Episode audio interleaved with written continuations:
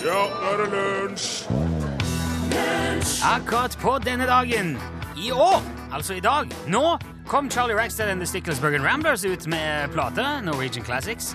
Vi her i Lunsj tar vår lille del av æren for det, men gratulerer samtidig alle norske-amerikanerne med dagen.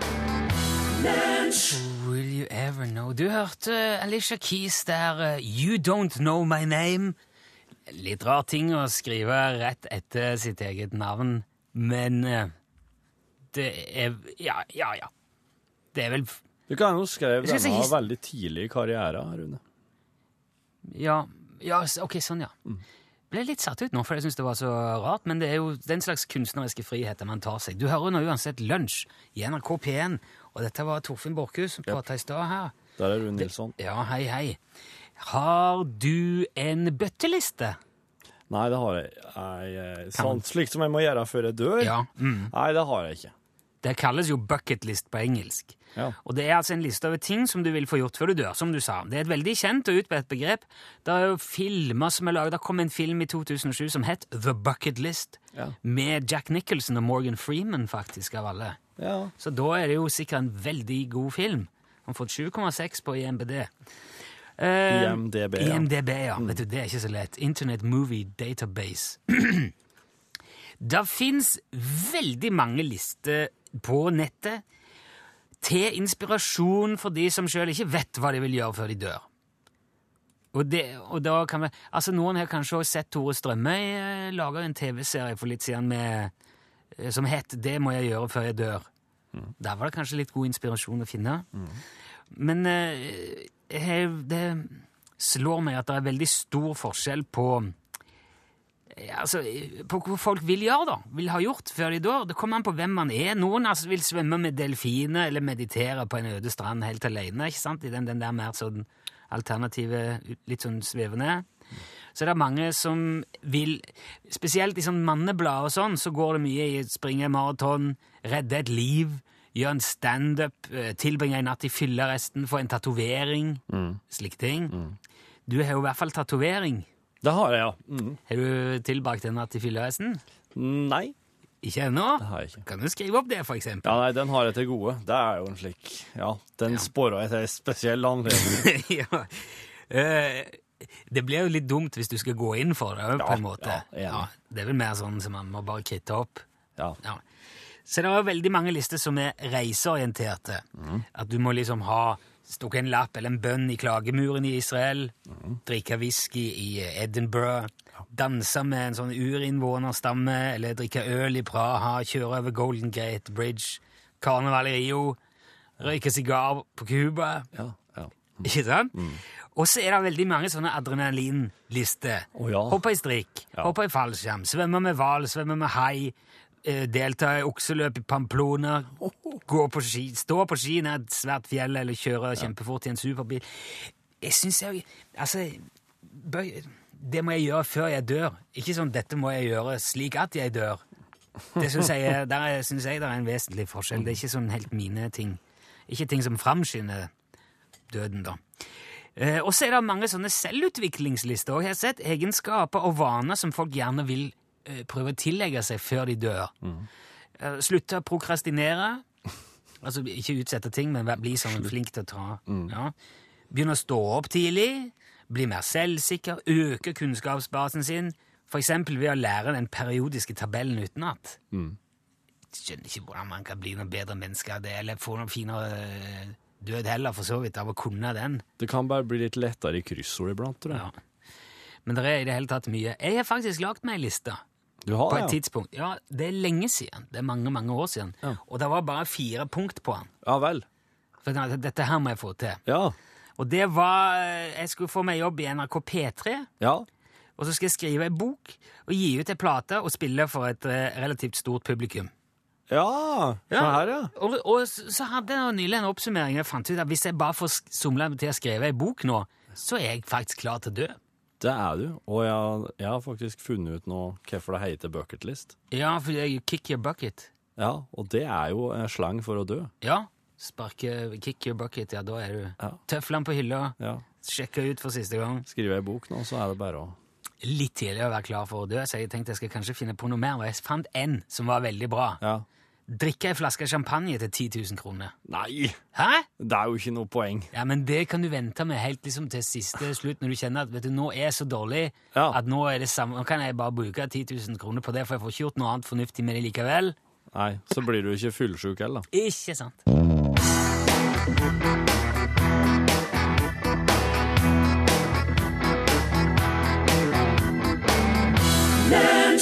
Sankt Moritz hørte du der, og det er et band du eh, kjenner veldig godt, Cirka Williamsen. Jeg har vært med med et par runder, da. Stemmer det. Ja, dette her var jo Allting ble stilt. Nydelige folk. Hjelp Cirka Williamsen med å fortelle en historie på radio. Og vinn en eldorado-lue. Ja, Ja, kult.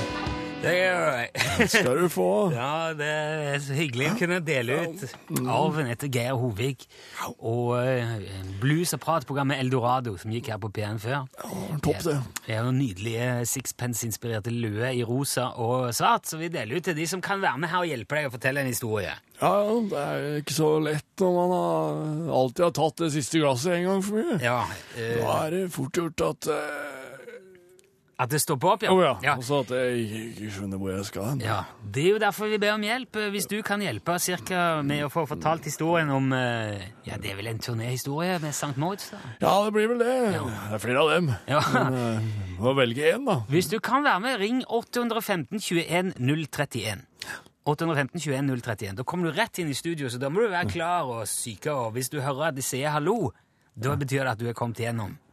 Vi er ikke sånn som Viggo Valle er jo en hel hær av alver. Ja, han har masse folk eh, som tar telefonen for seg. Ja, det, Vi har ikke råd til det. Dette er et lavprosjekt- lavprosjekt- lavbudsjettprogram. Så vi må nesten bare styre oss sjøl. Men det går fint! Eh, når du da kommer inn, så må du altså hjelpe eh, cirka, og forklare, fortelle historien. Klarer du det, så får det- du altså Det holder med enkeltord Ja, her og der. Ja, ja, det Ja, gjør ja, det. Jo, men se her, nå er nå, nå er Er vi i det gang. din? Er det min? Nei, det er her, ja. Ja, det er her, ja. Hallo? Hallo? Hallo, ja! Nå er det du. Ja, takk for det. Ja, Og hvem er du i dag? Mitt navn er Asgeir. Asgeir. Akkurat, ja. Så hyggelig at du ringte, Asgeir. Hvor ringer du ifra? Fra Sjøholt. Sjøholt? Sjøholt, ja. Hvor er Sjøholt? På kartet finner du det midt mellom Molde og Ålesund. Ah, ok, så vi er litt sånn eh, på kysten der, ja. Der ser du. Ja. Um, Sunnmør- Sunnmørssida. på Sunnmørssida, nettopp. Ja. ja. Eh, er- skinner sola hos deg òg i dag, Asgeir? eller? Kanon. Ja. Kanon der. For der ute er det fint, vet du, når sola skinner. Det er jo fint alltid, men eh, det er litt, jeg blir litt ekstra stolt i dag, tenker jeg, Asgeir. Ja, tenker det. Er de sn- snodige med, med på Sjøholt der? Vi sp spilte der med Sankt Moritz på en, en, eh, på en 4H-leir. ja. Ute på et jorde. Den lå så nydelig til ut mot uh, fjorden. ja, stemmer det. På prestegarden, det. Ja, ja, ja, ja, ja, der er det på prestegården. Og det var sånn at presten, han var eh, Ja, det er litt av en skrue. Ja, han var artig. Han hadde hengt opp det remedier til vi kom og skulle spille. Det var så mye, det var så dekka inn på scenen at du så jo ikke eh, folka i St. Moritz. Så de måtte ha på seg sånne Ja, han hadde på sånn kjeglehatter. Ja, så for at de skulle bli sånn høye og selvlysende. Ja, det var utrolig fascinerende. Det var lokale veivesen som trådde til, og han Trygve, han Trygve eh, fra Trøgstad i, i St. Moritz, han, han, eh, han likte jo det her spesielt godt. Ja. Han løp jo rundt, som, og det så jo ut så på avstand så så det ut som det var noen slags, eh, eh, slags flyplass. Sånn at det var jo faktisk et fly som kom og misforsto denne Oi. konserten. Og det gikk inn for landing på, på fireholderen, så telta fløy til alle kanter. Og etterpå så sa, sa han presten at uh, Ja, det var himmelsendt. sa Ja, det var det! Det var det! Fantastisk! Det var rett og slett Det var rett og slett himmelsendt. Ja, Men det- ingen kom til skade. Det gikk veldig bra med alle ungdommene og, og fire hårene. Ja. Du var med på dette her, du òg, Asgeir? Ja, ja, jeg husker det godt. Ja, det må ha vært en, en stor opplevelse. Det var veldig eh, artig at dere hadde møtt før. Ja, nei, det er mange, jeg kjenner, kjenner mange, men det er ikke så Jeg husker navn, jeg husker ikke ansikter alltid. Nei, det var motsatt, var det. Jeg husker jo ansikter. Det er jo navnet, altså. Ja, jeg skjønner. Men uh, Asgeir skal vi i alle fall huske, for dette her dro du i land på forbilledlig vis, uh, Asgeir. Jeg ser, Ja, ja, ja. jeg ser at Cirka er letta her, for han blir alltid glad når han får, får hjelpen som trengs til å dra i godt. historien. Ja, dette er jo et minne som sitter godt plant, plant, planta inn i eh, hjernebarken. Så Ja, det, ja, det vil jeg tro. Folk snakker sikkert om det ennå ute på Sjøholt det blir ofte nevnt i gode lag. Ja. Dette her betyr jo at nå har du sikra deg den der eh, lekre sixpence-lua, Asgeir. Spørsmålet er jo hvor du er mest komfortabel med å gå i. Er det svart, eller er det veldig, veldig rosa? Er komfortabel må nok bli svart, altså, eh, må nok si det. Ja. Men jeg skal sørge for at det blir svart eh, eldorado-lue til eh, eh, Ja, til Asgeir. Du må holde linja litt, Asgeir, så vi får eh, adressen din òg. Tusen takk for at du var med. Ja, sjøl takk. Takk for at jeg fikk komme gjennom. Ha det bra! Ha det. Du har hørt Maroon 5, og sangen heter One More Night. Hei, Charlie Rackstead! Hei, hei. Thank you, thank you very much for having us in here again. Ja, dette her er jo mandag, og det er jo ikke en helt eh, vanlig dag for oss i lunsj It's an uh, Mondag. mandag. Mondag. Det er mandag i dag. It's a Mondag dag. Det er mandag i dag. All right. Det er torsdagene du pleier å være her. You- Thursday. Yeah, oh, Thursday. Yeah, Ja. so Monday is uh, Monday? Ja. I thought it was uh, Mandag. Nei, det er måned... Ja, det kommer litt an på hvem du spør. Yeah, well, mm. if uh, so, I don't. I, I can't ask you then, can I? No, no, Mundo! Ja, ja. Yeah, right. Ja, og, Cool. Mundo. Er You know, it's a big Mundug for us. Ja, hva, hva Yeah. er det som uh... Yeah, we got our album out today, uh, Norwegian Classics. You know, all the songs we've been, uh, we have spillet in på her uh, lunch, ja, så. Nå er stort sett alle sangene dere har spilt her i lunsj, ute på plate. Ja, det var ikke den plass til alt. Nei, det var ikke So we plass. couldn't fit all of them in one record. So Nei. there's, a, you know, like a, our favorites, Ja. 13 songs. 13, ja. Yeah. Sanger. So there's, there's, Det er uh, ulykkestall. No, Nei, uh, vi er ikke så uvetrubisk. Nei, dere er ikke overtroisk, nei. No. Nei, okay. So we think, you know, never mind, go for 13. It's a good number. Ja. Yeah. Ja, kind of shows that we don't care. Ja, ja, ja. Eh, så, sånn at nå kan folk få kjøpt eh, CD eh, yeah, well, the CD's uh, coming out. There's been some, some uh, little forsinkel. Det er forsinkelse. Yeah. Ja. So, but uh, you can download and you can play on Spotify and Wimp and all those uh, things. things. Du kan, du kan kjøpe i iTunes og yeah. høre på i Vim på Spotify. Yeah, yeah, okay. ja, ja. Strømmetjenestene er, er klar. Yes, ja. strømmetjenesten. Strømmetjenester. Strømmetjenesten. Ja, du kan strø Ja. strømme musikk. We call it streaming. Ja, det er, det er det. Ja, det er, det er språket ditt. Ja. Eh, er det slik at det blir uh, tilgjengelig på, på vinyl? Yeah, yeah, yeah, yeah. We have to have, uh, you know, the good old Fint. gramophone records as well. Oh, So that that's coming. It's Yeah. a bit delayed from uh, from the pressing, but it's uh, it's just around the corner, as they say in the song. Have fun on to heaven. Ja, er Strong det, enough to hold you, starve for some affection. That, that was Cock Robin. Never jeg mind. tenkte på Creedence ennå når du sa No. Nei, Down on the Corner. Yeah. Yeah, men de har den uh, There's uh, 12 songs uh, from uh, here. From for a lunch we og- spiller here. Jeg har altså spilt tolv sanger her Ja. fra den plata. Yes. But there's uh, there's one more that you haven't heard. Er det That's det? brand new, yes. And uh, and it's actually a duet. And I thought if you want to, du kan spille den. Dette er nye sangene så de har laget det for plate. Ja. Yes? Så du har Det er altså en trettende låt som vi ikke har hørt i radioen ennå. Yeah, yeah. Ja, brand new. Og en duett til og med. Hvem so, er det duett med? Uh, that's my uh, my cousin, uh, third remove of my uh, aunt's side, uh, Amy Sue Sticklesbergen. Blir det tre, firmenning? Ja, tremenning? minst, minst. Amy, Amy Yeah. Sue Sticklesbergen. Vi hadde vokst opp uh, back home in Sticklesbergen. You know, Amy Sue, she's the cutest thing, and she uh, she normally works with corn distribution and uh, s- saturation. Ja, hun But jobber uh, yeah, for Hun um, jobber i, i rett, og slett i um, i uh, farming, ja, med, ja, med jordbruk. farm, yeah, Ja, ja, agriculture. Mm. But uh, you know, she sings like an angel, and uh, we needed someone to come along and sing uh, denne sangen har. den, uh, it's a song by uh, Knutsen Ludvigsen?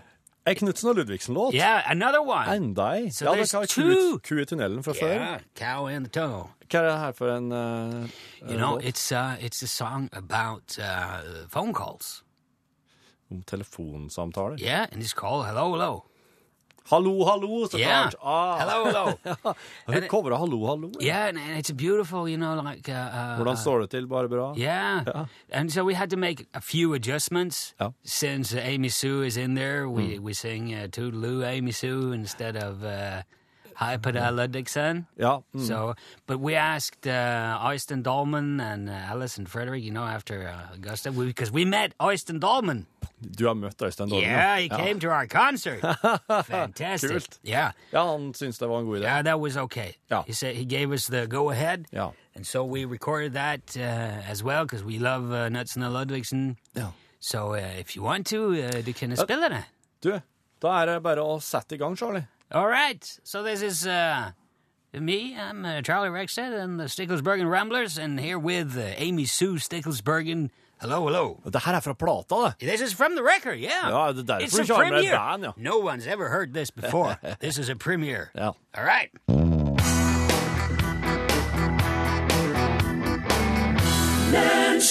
Arne, du veit hun derre tanta til Beate? Jo, hun bor i ei gate i gamlebyen. Oh, ja, ja, ja. ja. Ja, og med hatt og fjær så har hun ei vakkert syn. På vei ned Sveigårds gate for å gå og mate duene. Mellom røyk og gass på Harald Hårrådes plass. Ja, det er ikke bra, Da. Ja, og så veit du når posen er tømt og duene har rømt, så går hun hjem igjen. Ja, ja. Ja. Finner fram sin gamle grammofon. Og den sveiver opp og svinger sin kropp til tone og syns at jazzen gikk i dass etter, at, eh, etter Django Reinhardt. Ja, det er kanskje sant, det, ja, for så vidt. Ja, sier det.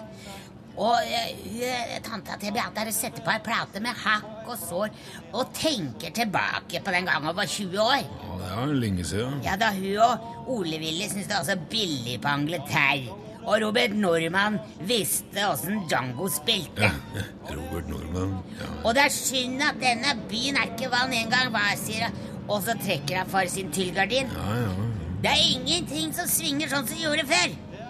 Alt jeg har av gamle dager, er denne plata, sier hun. Da har jeg i hvert fall det, da. Og hun, tanta til Beate snur sin gamle plate enda en gang og serverer te med melk, lapsangegong, Lapsang, hva for noe? og så svinger hun en finger mens hun sier litt sånn strengt Glem ikke hva vi fikk av Django Reinhardt, sier hun. Se, Ja, Nei, men det er viktig, det. Det er viktig. Jeg tenker at eh, når tanta til Beata må forlate oss, og duene må finne maten sjæl, da står Sankt Peter der og sier 'Her har vi savna deg', og så får du en klem mens Django stemmer gitaren. Ja, kanskje det. Jeg syns det er en fin tanke. Fin tanke.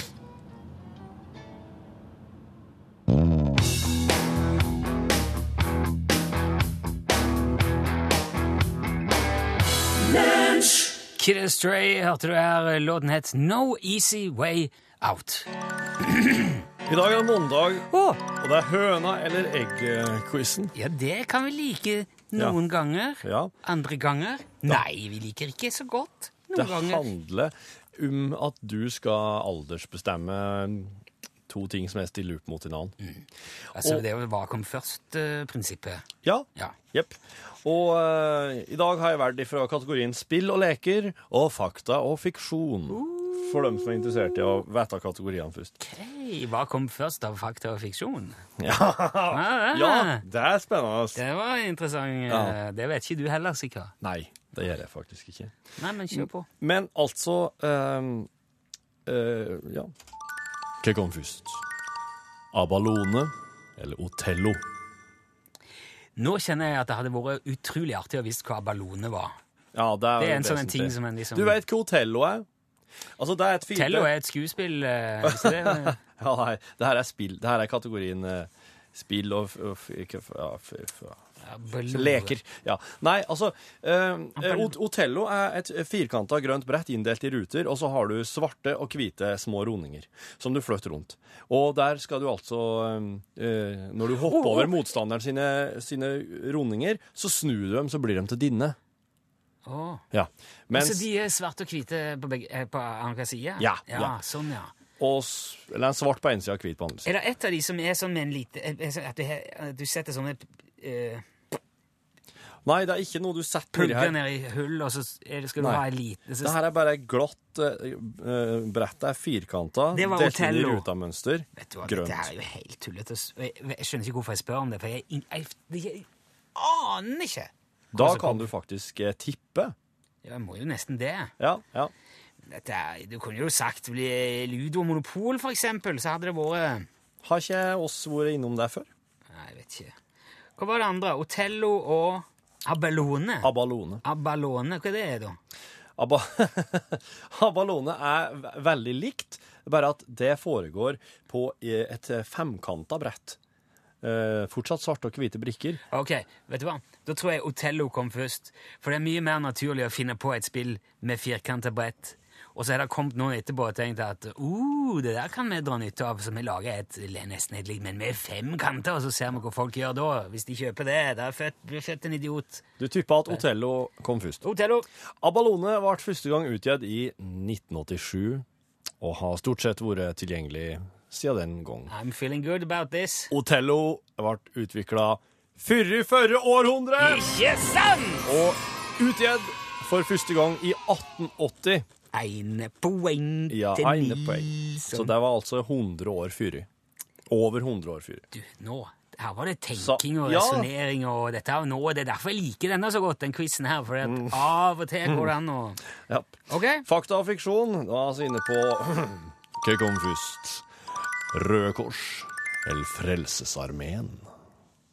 Røde Kors eller Frelsesarmeen. Røde Krossen er eller Frelsningsarmeen? Det er ikke så lenge siden jeg fortalte om Røde Kors og han som starta det, for det var vel 100 og, Var det 150 år, eller var det Ja, det tror jeg det må ha vært.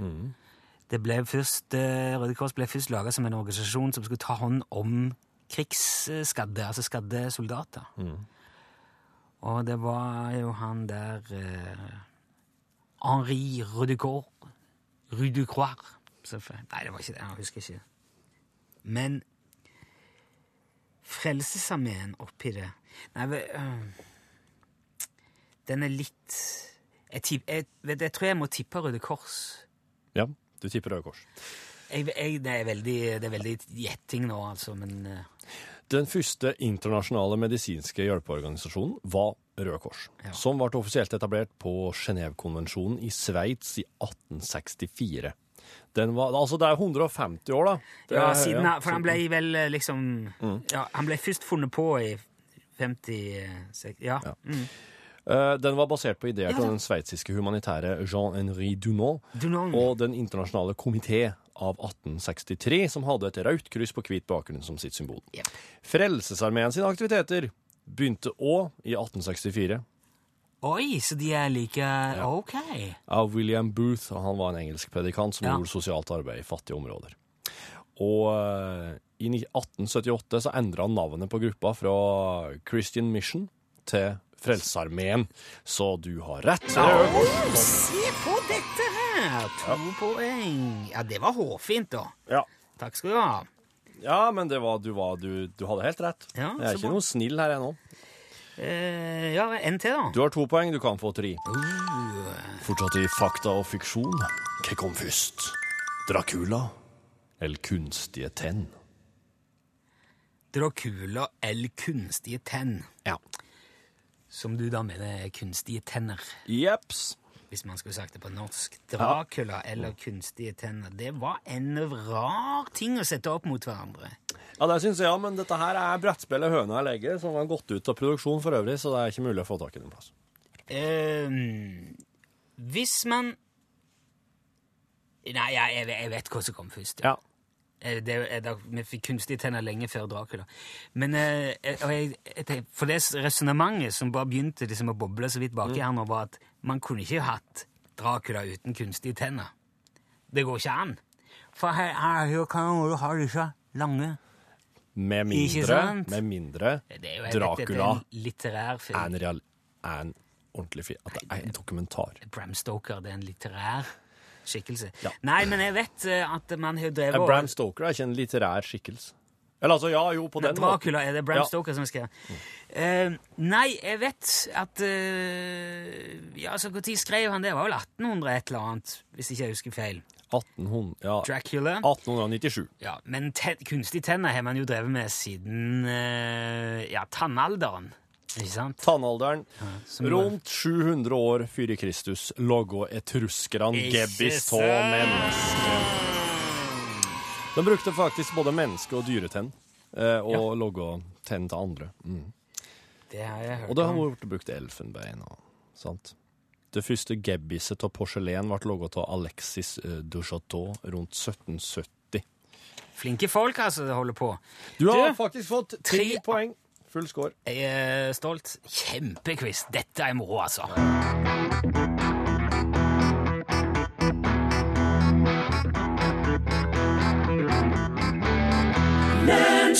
Selveste Otis Redding var det du hørte der, og i låten heter Hard to Handle. Baby, I'm sure hard to handle, yes I am. Og så, vet du, skal vi se.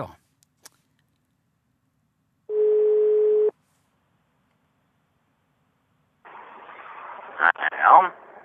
Hallo? Hallo, ja. Nei, nei, nei, snakker nå med Ronny? Nei, ja, du snakker med Ronny. det her, Du, du kan nå komme til telefonsvareren til Utslagsnett Transport og Svar. Vennligst legg- vennlig igjen en melding etter flesketon.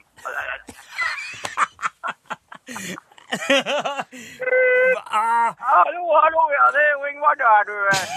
Jeg lurer på, skal du ha fiskekake eller skal du ha hysekake til kveld eh, til, til middag? Jeg bare lurer på, hvordan er det greia? Ja, nei. jeg skal si det eh, Ja, fikk du Gikk der Det gikk opp for deg hva som skjedde, i hvert fall plutselig der, Ronny. Nei, jeg visste jo hva som skjedde, men jeg kunne jo ikke ta den på direkten. Det gikk jo, det gikk jo ikke an, det, vet du. jeg må Nei da, nei da. Jeg har, jeg har, eh, du er egentlig kommet til telefonsvareren til Julslagsnes Transport og Skarv. Det var jo det som var min eh, intensjon å si. Bare si da. Ja, OK. Men det var jeg, Ja, ja. ja, nei, så Jeg må henvende meg til hoveddommer eh, Borchhus her, altså. For eh, Ja. jeg, jeg, Ja, ja, ja. jeg, jeg rakk jo å trykke på nei-knappen, Ronny. Nei, det hørte ikke jeg. Jeg fikk ikke det med meg, Rune. Det Du er jo en- helt av du er jo en- nei, nei. nei, Du er jo en telefonsvarer. Jeg, jeg, for- jeg, forventer ikke at du skal få med med ja, alt. ja. Altså, det, og dette her, er, dette her er en veldig imponerende telefonsvarer. Den har tatt høgde for veldig mye. Og eh, i den grad det går an å hente seg inn og redde seg i landet igjen i den telefonkonkurransen her, så har han Ronny akkurat nå gjort det. Men nå har han satt en ny standard. Ja, han har det. Men du må trykke på knappen nå? Ja, han må, ja. Ja, ok. Ok, men, men nå er du klar over, Torfinn, at du setter du, er jo, du og Ronny har satt en ny standard for Ja. dette her. ja, ja. Hvis For- du klarer å hente deg igjen så bra som Ronny i framtida, så, så blir det lignende uh, Ja, nei, det er klart. Det, Utfall. Det, det, ja, når man kommer til en ny telefonsvarer, man vet jo aldri hva den telefonsvareren sier, ikke sant? Det kan jo Hei eller hallo til å begynne med, det spiller jo ingen rolle. Nei, det er helt sant. Og mange har jo en sånn eh, at de legger inn på telefonsvaren sin, de sier bare 'hallo', og så Ja. begynner folk å snakke og si 'hallo'. Ja, Så- ja, ja. Nei, dette er vi kan Ja visst, ja visst. Nei, vi får kritta det på det. Nei, du tok det veldig fint inn. Jeg er helt enig, Ronny. Det, du vi skal sende lua til Alta, sånn at du Ja. eh, kan ha noe å smykke ditt, eh, ditt eh, hurtigtenkende hode med. Ja, Spørs... vakker ansikt heter det jo. Ja. Uh, hva vil du ha Hva slags lue vil du gjerne ha, da, Ronny? Vil du ha svart eller kamuflasje? Han inn i kamuflasje. Camouflage, som han sa. Camouflage, yes. Stan Ridgway. Camouflage. Du, eh, alt er notert. Vi sørger for at det går i posten i dag, Ronny. Tusen takk for innsatsen. Veldig imponerende, altså. Og hvis, det, ja, og hvis noen eh, vil eh, klage på dette her, så får de sende en e-post til torfinn, krøllalfa.nrk.no. Der eh, ligger sekretariatet og høyesterettsavgjørelsene i eh, UTS-konkurransen. Ja, eller da kan jeg eventuelt ringe meg. ja, ok. Eller Ronny. Ring Ronny i Alta. Tusen takk, Ronny. Hæ? Tusen takk, sier jeg, Ronny. Ha en fortsatt fin dag. Tusen hjertelig takk sjøl. Den er grei. Ha det bra. Hei, hei. Ha det.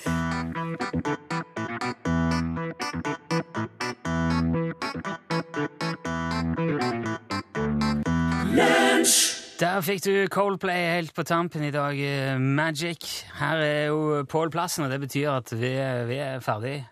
Ja, og det er jo ikke noe lureri. Men eh, lureri ble jo da eh, TV 2 utsatt for i helga. Fikk dere med dere den saken? Nei. Det var altså en gjeng med demonstranter utafor Stortinget som ringte til TV 2-nyhetene og ba de komme dit og dekke det her, og det gjorde de. Og så viste det seg Altså, de, de sa det var en mannsaksjon, Jaha. og så var det rett og slett bare et utdrikningslag. Og så Nei vel! og så ble det sak på TV 2-nyhetene. Og det her var jo ikke noe artig for TV 2, men veldig artig for de som eh, gjorde det her, da. Eh, og vi skal prate om det i Norgesklasse denne mandagen. Nettopp det her med å lure media. For det er ikke første gangen at det her skjer. Og det blir ikke siste gangen. Ja, der sa han et sant ord. Jeg skal konsolidere igjen, og det må du gjøre etterpå. Men han går nå? Ja, Ja, fint. Vært Jeg har fått mye godt stoff eh, fra, fra våre pålyttere, så jeg har nok her. Og... Ja, ja, du får bare hilse. Jeg må bare gå. Kom igjen, jeg òg. Ja, greit, det.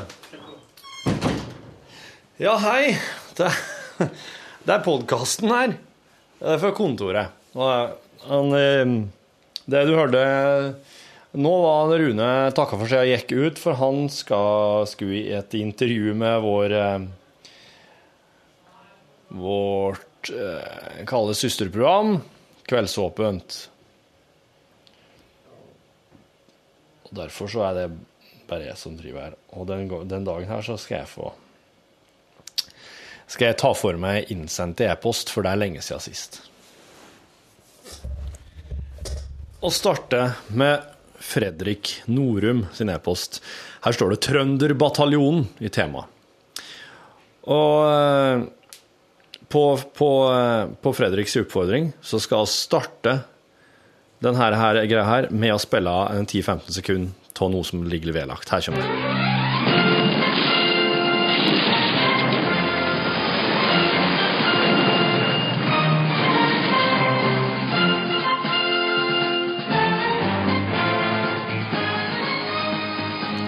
Hei igjen, gutter.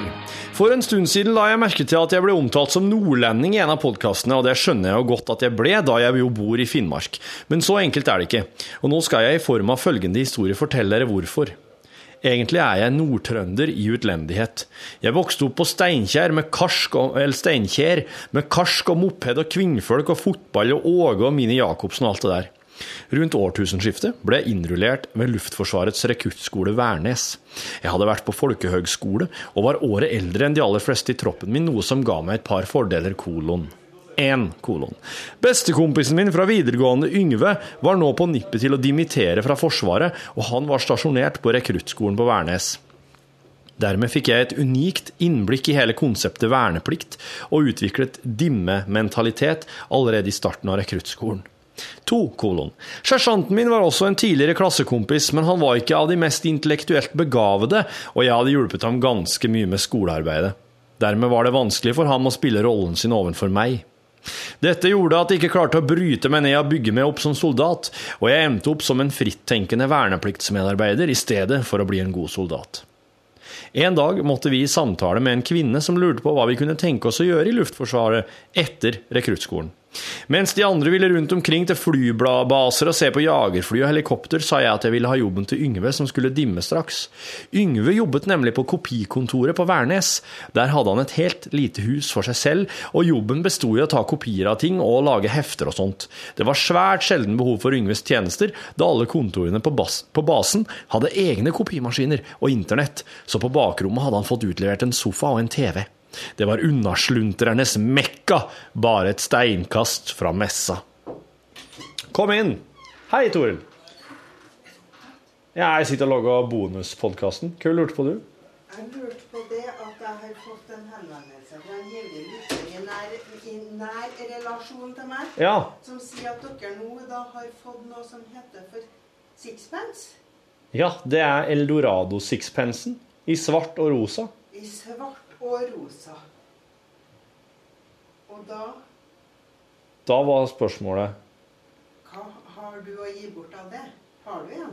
Ja, det har jeg. Eh, og, men eh, tingen er at eh, dem er det resepsjonen som styrer med og sender ut. så spør hun Berit, eller ja, den som sitter her. Takk. Jo, vær så god. Ja, ja, du må helse, da. Ja? Ha det bra. Det var Tore Lindberg. Hun er Ja, det er det er, det, hun er i hvert fall Hun jobber i administrasjon her i NRK, og hun styrer mye med overtid og avspasering og, og, og den slags. Attende til Fredrik Norum sin eh, e-post Trønderbataljon. Etter denne, etter denne samtalen må de ha skjønt Altså, ja, nå Det var undersluntrernes mekka, bare et steinkast fra messa. Ja. Etter denne samtalen må de ha skjønt at jeg hadde gjennomskuet systemet, for plutselig en dag, to uker før rekruttskolen var over, kom de og hentet meg på skytebanen. Jeg skulle bli ADMAS, administrasjonsassistent, i Kompani Bravo under kaptein Troseth. Dette var det samme kompaniet jeg var innrullert i som rekrutt, og kaptein Troseth var av typen som likte å gjennomføre utmarsjer og øvelser i den lille skogen bak kontorbygningene, slik at administrasjonen kunne sove i feltseng på kontoret. Troseth skjønte nok at vi to passet som fot i hose. Så da Troseth byttet jobb fra sjef i Kompani Bravo til uttaksoffiser ved Luftforsvarets seleksjonssenter, ville han ha med meg som ADMAS. Min nye jobb var nå å fungere som sekretær og listemaker når det skulle plukkes ut nye jagerflypiloter, Sea King-mannskap, krigsskoleelever og så videre. Og det er nå historien starter. Og det er nå jeg slutter å nevne navn. En dag møtte jeg en major sørfra. Han syntes jeg snakket litt rart, og mente at jeg lot meg påvirke unaturlig mye av dialektene rundt meg. På dette tidspunktet hadde jeg vært et år på folkehøyskole sammen med folk fra hele landet, og jeg bodde på rom med en kar fra Molde, en fra Hitra og en fra Halden. Under påskudd av å skulle være med som tidtaker og pushup-teller under de innledende rundene av opptak til krigsskolen, tok han meg med til nettopp krigsskolen i Oslo, men på kveldene og nettene ble jeg grundig undersøkt av eksperter og leger. De konkluderte med at områdene som behandler språk i hjernen min, er nøyaktig de samme områdene som behandler musikk, og at dette virker som en slags trippel Darlington-transistor med valseknekk når det kommer til hvilken dialekt jeg til enhver tid snakker. For å si det enkelt, over tid vil jeg synkronisere dialekten min med det jeg hører rundt meg, på samme måte som at kvinner som omgås på daglig basis over tid, synkroniserer menstruasjonssyklus. Denne egenskapen hadde majoren bruk for, og jeg ble rekruttert inn i en strengt hemmelig organisasjon i det norske indreforsvaret. Etter mange år med trening, først under dekke av å jobbe på en bensinstasjon, og så som student, ble jeg sendt nordover. Under dekke av å skulle jobbe som journalist i Rikskringkastingen. Nå har jeg vært under dekke i seks år, de siste tre som bonde, og etter at jeg fikk en datter sammen med ei lokal jente, er jeg nå en såkalt dude. Dypt under dekket. Snart er jeg ferdig med fase 1. Målet med fase 1 er å la den nye dialekten ta helt overhånd. Hva jeg fyller tiden med er irrelevant, så lenge jeg omgås lokalbefolkningen på daglig basis. Fase 2 vil innebære å arrangere et falskt dødsfall, for så å dukke opp i en annen region i samme dialektområde, men denne gangen som en vaskeekte innfødt, og det er først da den virkelige jobben begynner. Hva den vil innebære, vet jeg ikke, men jeg vet hvorfor det må gjøres. Først og fremst har det siden etterkrigsårene pågått en kald krig mellom Nord-Norge og Sør-Norge. Trøndelagsfylkene har vært temmelig nøytrale. Dette var veldig tydelig like etter krigen, da nordlendinger ikke var ønsket som leietager i Oslo, mens søringer ble kastet på havet så fort de nærmet seg en kai i Finnmark. Konflikten har siden den blitt mer skjult, men det var jo åpenbart en krigstankegang bak å gi Røkke alle fiskekvotene i Barentshavet, og på den måten sørge for at både mat og verdier havnet i sør. Samtidig har nordlendingene klart å infiltrert Arbeiderpartiet med både Carl Erik Skjøtt Pedersen og Helga Pedersen i sentrale posisjoner, og tidligere kringkastingssjef Bjerkås har dere jo god kjennskap til. Det dere kanskje ikke vet, er at Lars Monsen egentlig er fra Nord-Norge, og at han i en årrekke har jobbet for Indreforsvaret med å plassere ut lyttestasjoner i villmarka. Dette vet jeg, fordi jeg i 2009 hadde en rekke topphemmelige møter med Monsen i frokostsalen på Rika hotell i Alta, under dekke av at vi begge jobbet med Finnmarksløpet for NRK. Men nå er det olje og gass det handler om, og det er viktig for både Indreforsvaret og PST å ha folk de kan stole på som informanter både i sør og i nord. Og det er derfor jeg ble rekruttert, sammen med et tyvetalls andre nøytrale trøndere, i gruppa som bare kalles for Trønderbataljonen. Takk for meg, Fredrik. Ah, oh yes. For å si det mildt. Det er sterkt, Fredrik. Det er sterkt. Det her er jo det her er jo å, å dri- Du Du setter jo nå all treninga i eh, Ja, i en slags søppeldunk. At, men for det er, en, det er faktisk en del folk sentralt plassert i, eh, i maktposisjoner som hører på denne podkasten her for å, for å finkjemme det som måtte dukke opp av utleveringer. Så her du, nå- ja, du får bare følge med, lås døra og gå med tåregass. Rune Mørkved har skrevet inn en e-post der det står 'Sendinga 9. mai, til KK5'. Tusen takk for at jeg fikk være med i Eldorado-konkurranse Games i dag. Det var dritmoro. Det jeg ikke klarte å få fletta inn på lufta, er at The Casey Cullman Five er et band som har gjennomgått mye, og pga. indre stridigheter er vi på stadig utkikk etter ny gitarist, trommis, vokalist og organist. Kontakt kan ordnes via Utslagsnes Transport og Skarv avdeling Hundern. Det er på hemmelig mobilnummer. Mellom 20 og 23 alle hverdager uta R. Hilsen Rune Pune, Raufoss, Rock City, The Batcave. Hvis det er noen som vil spille gitar, trommer, eller synge eller spille piano i The Casey Cullman 5, så kan jeg videreformidle mobilnummer. Kan jeg gjøre. Ja. Well Eh, Sondre har sendt oss ned på Stærsår vedrørende podkast 19. mai om slurping. Hei sann, gutter. Jeg tenkte jeg ville sende dere en mail og forsvare dere litt etter dere fikk klage om slurping i podkasten. For min del er podkast, kolon, og spesielt Nei, parentes. Og spesielt bonusspor fra radioprogram, parentes slutt. Noe jeg hører på for å høre på en lettere prat hvor ting ikke er så planlagt og A4. Derfor mener jeg ting som spising, slurping og googling hører fint hjemme, siden det skaper en veldig ekte stemning og useriøs tone i podkasten. Med vennlig hilsen Sondre. Tusen takk for deg, Sondre. Nå har vi jo for, oss har vel egentlig eh, oss har landa jeg, Ja, det er en fra Glenn her òg. Smatting, slurping i podkast. Hei. Som vanlig ligger jeg noen dager etter i podkastlyttinga. Nå ligger jeg og prøver å sovne til podkast fra 19. mai, hvor dere diskuterer slurping, smatting i podkasten. Jeg kjente meg igjen i innsenderen av klagen og reagerte også på disse smattelydene. Men det er ikke kaffeslurpingen. Dere spiste is. Softismaskina var ikke oppe og gikk ennå, så dere tok dere en softshake eller noe, og slik smatting er kjip å høre på. Husker òg en annen gang da dere spiste kake. Helt jævlig å høre på. Vil bare gi meg til kjenne og si ifra, ellers takk for Tipp Topp Radio. Hilsen podkastlytter. Tusen takk, takk, eh, Glenn. Eh, der har jeg vel uh, sneia innom det som er av smatting, slurping-greier. Uh, dere har jo hørt det per nå, for Rune og jeg landa jo på en avgjørelse på dette her i forrige uke. Altså, for, for kanskje to eller tre podkaster siden, uten at jeg er helt stø nå, for nå har det vært mye Nå har det vært mye opp og ned her med bonusmateriale. Men og så ble jeg enig om det at det er lov til å drikke kaffe mens å spille inn podkasten. Men drikking av kakao, eting av is, softis, altså meieriprodukter, kake, krem, den slags, det skal, det skal oss helle utenom, for at den slimproduksjonen som, som eh, settes i gang av melkeprodukter, den er visst eh, litt ekstra. Det er ikke bare kaffeslurping, det. Det er noe annet. Så det har vi blitt enige om. Det kan drikkes kaffe når vi spiller det inn, men meieriprodukter skal nytes før, helst etterpå. Så det. Uh, pod, Rune. Podkast 21. mai. Grillprat. Grilling av gris rett ved siden av grisen går helt fint, det. Her er et bilde fra mine venner Per Anders og Mona sin fest i 2011. Bildet viser altså to ganske store Det ser ut som grillene er logga av varmtvannsberedere. Kutteren har en varmtvannsbereder i to på, på langs.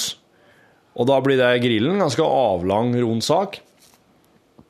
Så er det en slags jævla anretning med en liten motor på, og noen sykkelhjul montert på hver sin stong over. Og det er tredd to griser på hver sitt spyd og med føttene rett ut, som henger på disse sykkelhjulene. Og den motoren den går da opp med en slags snor til sykkelhjulet og dreier det. Den, motori, den står og dreier motorisert. Og der står det da altså storpurker i bakgrunnen ute på et jorde. Det er grisejordet. Og eh, ingen av dem protesterte på noe tidspunkt i løpet av helga, skriver Rundpune. De er veldig sosiale, og de er glad til folk. Eh, Seinere har de gått bort fra rotasjonsgrilling for gris, skriver Rundpune. Anbefales derimot fortsatt for geit. Så det Ja. Nei, det får en si, altså.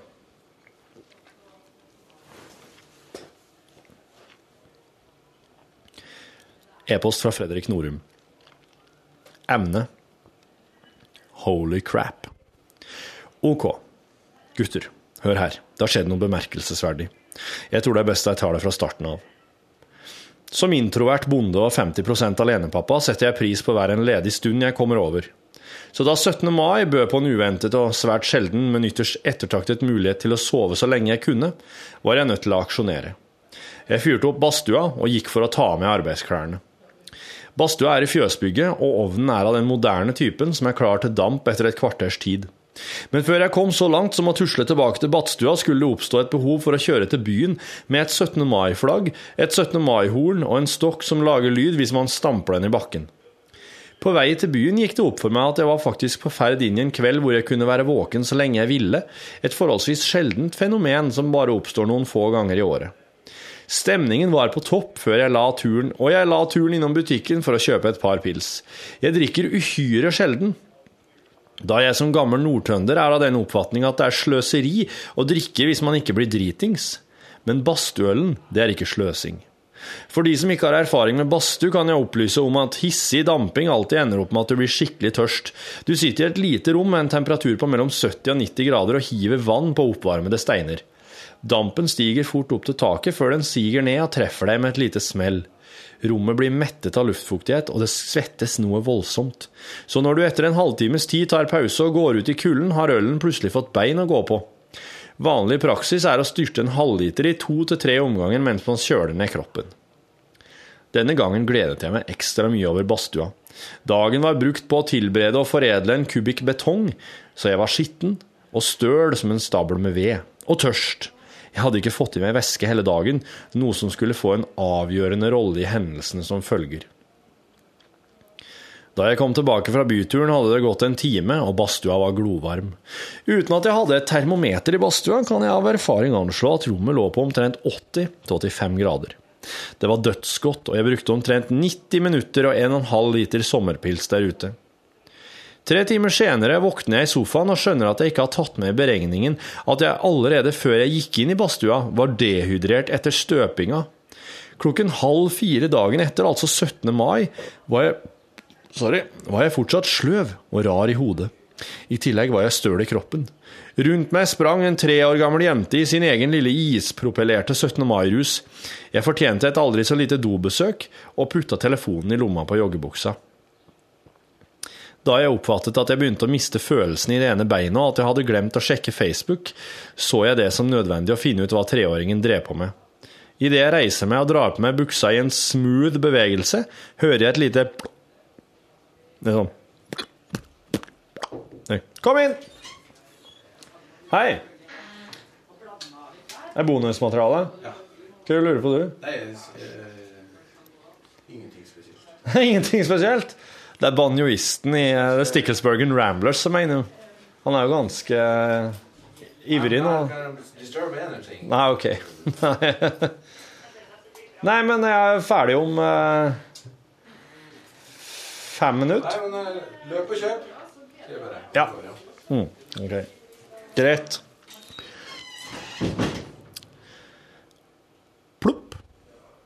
Jeg snur meg og ser at iPhonen jeg fikk av meg selv til jul, synker. De neste fire sekundene var fryktelig lange. To faktorer veide på dette tidspunktet tungt. Jeg hadde dårlig tid. Altså én kolon, jeg hadde dårlig tid. Ferskvann leder strøm dårligere enn saltvann, og det er en teoretisk mulighet for at en telefon som mistes i vann, kan overleve dersom du klarer å slå av strømmen før vannet trenger inn og sørger for overledning. To. Jeg hadde ikke rukket å skylle ned.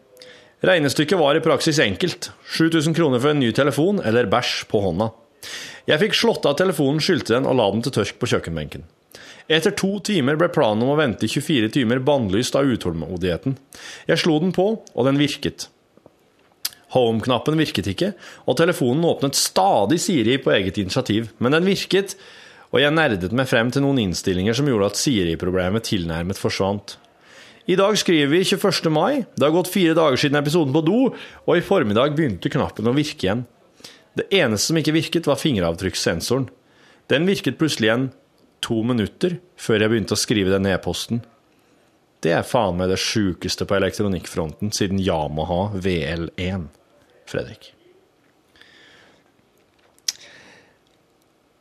Det, det, den vurderinga der jeg, hadde vurdert det på samme måten sjøl, Fredrik. Men jeg lærte en ting nå nylig, og det er at eh, hvis du er OL og mister telefonen din i vannet, så eh, Ja. Vannet. Så er det um, veldig, veldig smart å eh, ta den ut, turke den så klart, det du ser på utsida, og så legger du den i lag med sånne herre små plast, sånne små posser som er med når du kjøper en elektronikk, så er det med sånne små posser med noen slags kuler inni, som, eh, som absorberer fuktighet. Legg eh, iPhone eller telefonen i en, eh, i en sånn eh, Hva kalles det? En sånn zip-it-bag, en sånn plastpose som du kan eh, trykke att, liksom. Som blir tett, i lag med en eller to eller tre, eller så mange du har, slike posser med sånn kule sånn, som absorberer vann. For de eh, suger ut det som er inni telefonen, visstnok. Så det er et helt rått tips, da, hvis du er uheldig med det. Vel Da sier jeg Sier jeg nå Jeg må sjekke at jeg Ja, da har jeg fått gått gjennom eh, det som var til å innsende e-post siden sist. Det var deilig å få gjort det. Tusen spesielt takk til Fredrik, som har sendt oss et par, eh, et par lengre greier. De er utrolig gode å få med iblant når det, er, når det blir tynt på bonusfronten for øvrig, slik som det er i dag. Der kom faen meg Nilsson, vet du. Jeg syns det er helt å ha frukt i tørka frukt i nøtter. Det er en uting. Ja, det er sånn småsulten her, Ja. er ikke? Mm. Mm. Ja, nei, det er En kan si mye om det, men du sa det der, egentlig. I eh, Nå har jeg vært amerikaner i et kvarter. et kvarter! OK. Vet du, jeg vil slå meg under at styret, altså podkaststyret, er jo eneste som på en måte Eneste plassen i verden er innrømt sånn offentlig hvor, Ja. hvor det går i. Ja, det er sant. Det er er ikke akkurat noen hemmelighet, og det er ikke så jævlig vanskelig å finne ut av, men eh, Nei. det men det står jo i disse avisartiklene. Det kommer jo litt fram der, syns jeg. Ja, ja. Han Morten uh, Lyen, uh, banjo eh, Det Hva skal han kalle den? ringt- Det er ikke ringt her. Det er ikke ringt her, det. Har telefonen din ligget her? Nei, men på den Nei da. Nei, han eh, Morten han går jo bare rundt og tripper, han egentlig stort sett. Ja. Uh, vi- han har jo ingenting å gjøre. Så han går jo bare rundt. Han går her og nå greier. da. Ja, ok. Så han har her og nå-vakt, ja. ja. Det er Det er vel litt som å være standby på, på å reise på FN-oppdrag. Ja. Utenlandstjeneste. Heavy shit. Der er de